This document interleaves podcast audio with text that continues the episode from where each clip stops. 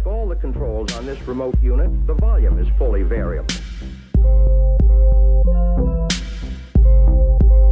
Should the telephone ring or guests arrive,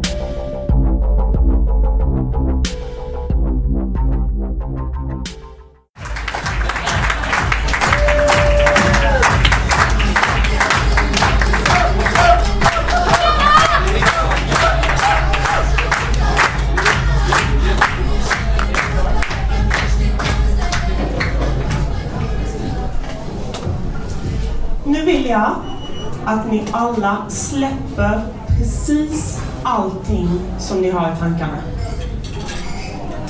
Alla de där fantastiska presentationerna som vi redan har hört. Kanske de där patienterna som ni har behandlat under dagen. Eller det där som ni ska göra helgen när det ska bli sol och 30 grader varmt. Och så landar ni precis här och nu. Kan ni prova att sluta ögonen allihop? Blunda. Allihop. Och sen tar ni några djupa andetag. Och så släpper ni ner axlarna.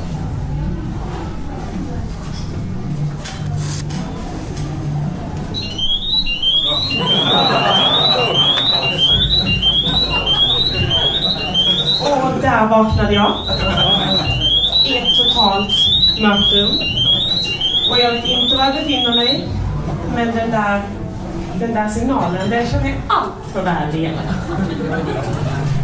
Så eh, snabbt upp, eh, tänder ljuset eh, och tittar på sökaren. Och detta är ett hjärtstoppslarm på en gynavdelning. Eh, kläder, blåa pyjamas, på med skorna och så ut genom dörren igen.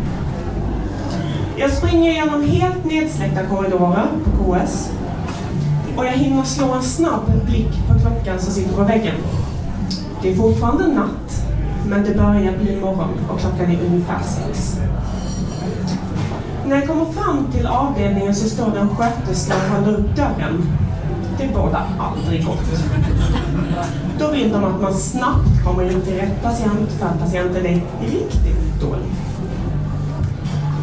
Patienten som jag kommer in till ligger i sängen, tippad, huvudet neråt, fötterna uppåt. Så blodtrycket är antagligen lågt. Hon är alldeles blek, cyanotisk, men hon verkar vara medveten. De som kommer in i rummet, de har också sprungit ut, precis som jag. Sköterskan berättar att de har larmat för att patienten desaturerade ner till 60 procent och fick kraftigt tryck över bröstet. Okej. Fram till patientens huvudända där vi brukar ställa oss. Och jag börjar undersöka henne. Hon har, håller fri luftväg. Ett rätt. Och hon andas själv. Men hon har ett väldigt högt andningsarbete. Jag fortsätter att stetoskop av som har kommit ur sparken och jag hör att hon har andningsljud på båda sidorna. Så någon akut pneumotorax borde det faktiskt inte vara. Hon är dock cyanotisk och hon har en syrgasmask som sitter över ansiktet. 5 liter syrgas och hon syresätter 88 procent. Vi är den 10 liter. Jag känner på hennes puls och den är regelbunden, inte så snabb och sköterskan ger mig ett tryck på 120 genom 70. Patienten är vaken. Hon tittar upp på mig och står över huvudet. Hon har skräckslagen blick och jag har sett att hon har rört alla fyra extremiteterna.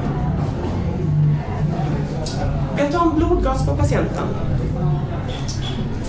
Och den visar ett pH-värde som är helt normalt. Ett PO2 och 8,4 trots 10 liter syrgas. Och ett BCG-nivå på 6,4 trots det höga andningsarbetet som hon har. HB och elektrolyter är helt normala. Samtidigt så har sköterskan tagit ett EKG som jag får i handen. Och det visar ett vänstersidigt skänkelblock och en sinusrytm. Jag vet inte i detta läget om det är nytillkommet. Men det skulle kunna vara orsaken. Gynjouren kommer in genom dörren och hon berättar och uppdaterar oss vad detta är för patient.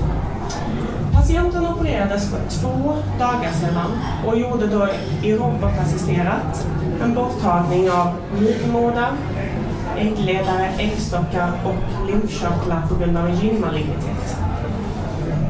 I bakgrunden så verkar hon vara ganska kärlsjuk. Hon har haft en TIA, hon har haft en hjärtinfarkt, är stämplad i hjärtat. Hon har hjärtsvikt och EF på 20 procent. Men i anestesianteckningen så står det att hon kan gå en timme utan att få några problem som verkar vara rätt välmedicinerat. Hon har haft en koloncancer och sen har hon ett aorta agendaformarism. Typisk KS-patient. Och när jag står där så funderar jag på vad är det som har gjort att vi alla har väckts mitt i natten och att hon har desaturerat ner till 60 procent. Självklart kan det vara en lungemboli. Jag gissar att det är nästan vad de flesta tänker. Nyopererad patient, legat stilla, plötslig debut av bröstsmärta och anfallet. Men gynjouren sa ju att hon stod på fragmin. Är det så att hon har fått en ny hjärtinfarkt då? Ja, kanske. Vi vet att hon är kärlsjuk och hon har ett ömsesidigt skänkelblock och vi vet inte om det är nytillkommet. Eller kan det vara så att hon har fått någonting med hennes aorta? En dissektion eller har aneurysm brustit? I detta läget så har jag bestämt mig för att den här patienten ska gå på en CT och jag börjar kolla av vad hon har för infarter. Hon har nysatt PVK på hennes högra handrygg.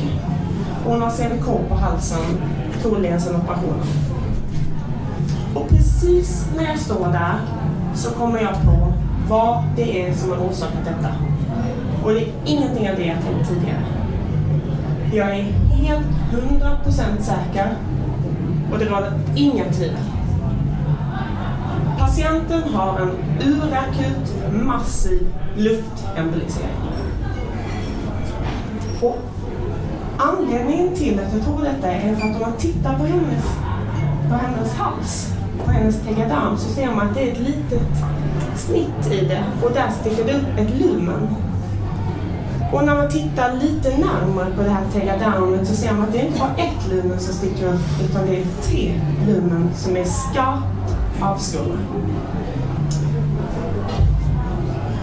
Det finns ingenting att aspirera ur, för det är borta. Så jag ber om en skalpell, skär loss suturerna och dra CVK. Vad kan man mer, mer då göra på den här avdelningen med den här patienten för att hjälpa henne? Ja, man skulle kunna ge en 100% syrgas. Det har hon redan. Man skulle kunna lägga henne i Trendelenburg-läge och hindra att mer luft går upp till lungorna, till hjärnan och till hjärtat. Där ligger hon redan. Då är det bara HBO kvar. Tryckkammarbehandling. Under tiden som vi har varit och jobbat med patienten så har hon hunnit bli ganska mycket bättre och nu är syresättningen 98 procent på 10 liter. Och då frågar jag henne, vad var det egentligen som hände när du, detta hände? Jo, då berättar hon följande. Jag vaknade och kände att det var någonting som skavde där på halsen. Och det fastnade i håret och jag är så otroligt hård. Och jag gick på toaletten och på toaletten så hittade jag en sax. Och jag tänkte att jag skulle bara klippa bort det här som sitter här på halsen, det där som skaver upp över håret. Och precis då så fick jag sån fruktansvärd bröstsmärta så att jag trodde att jag skulle dö. Och då ropade jag på hjälp och sköterskan kom och tog mig till sängen och sen kom alla ner. Patienten har alltså självmant orsakat i ståendes att tre lumen blottas. Det sugs in massiva mängder luft som orsakar kraftigt ökat plötsligt pH-tryck, en högersidig hjärtbelastning, en ventilationsperfusionsmismatch och ett ökat ambulant dead space. Allting som ger den kliniska bilden och patientens blodgas. Och varför blev hon bättre då? Luften absorberades ju. Bara under tiden som vi stod där. Så när jag går därifrån, en timme senare, så sitter hon på sängkanten med några få liter syrgas på Grimma och ska käka frukost. Jag går genom samma korridorer som jag sprang genom tidigare, men det är ljust utanför nu.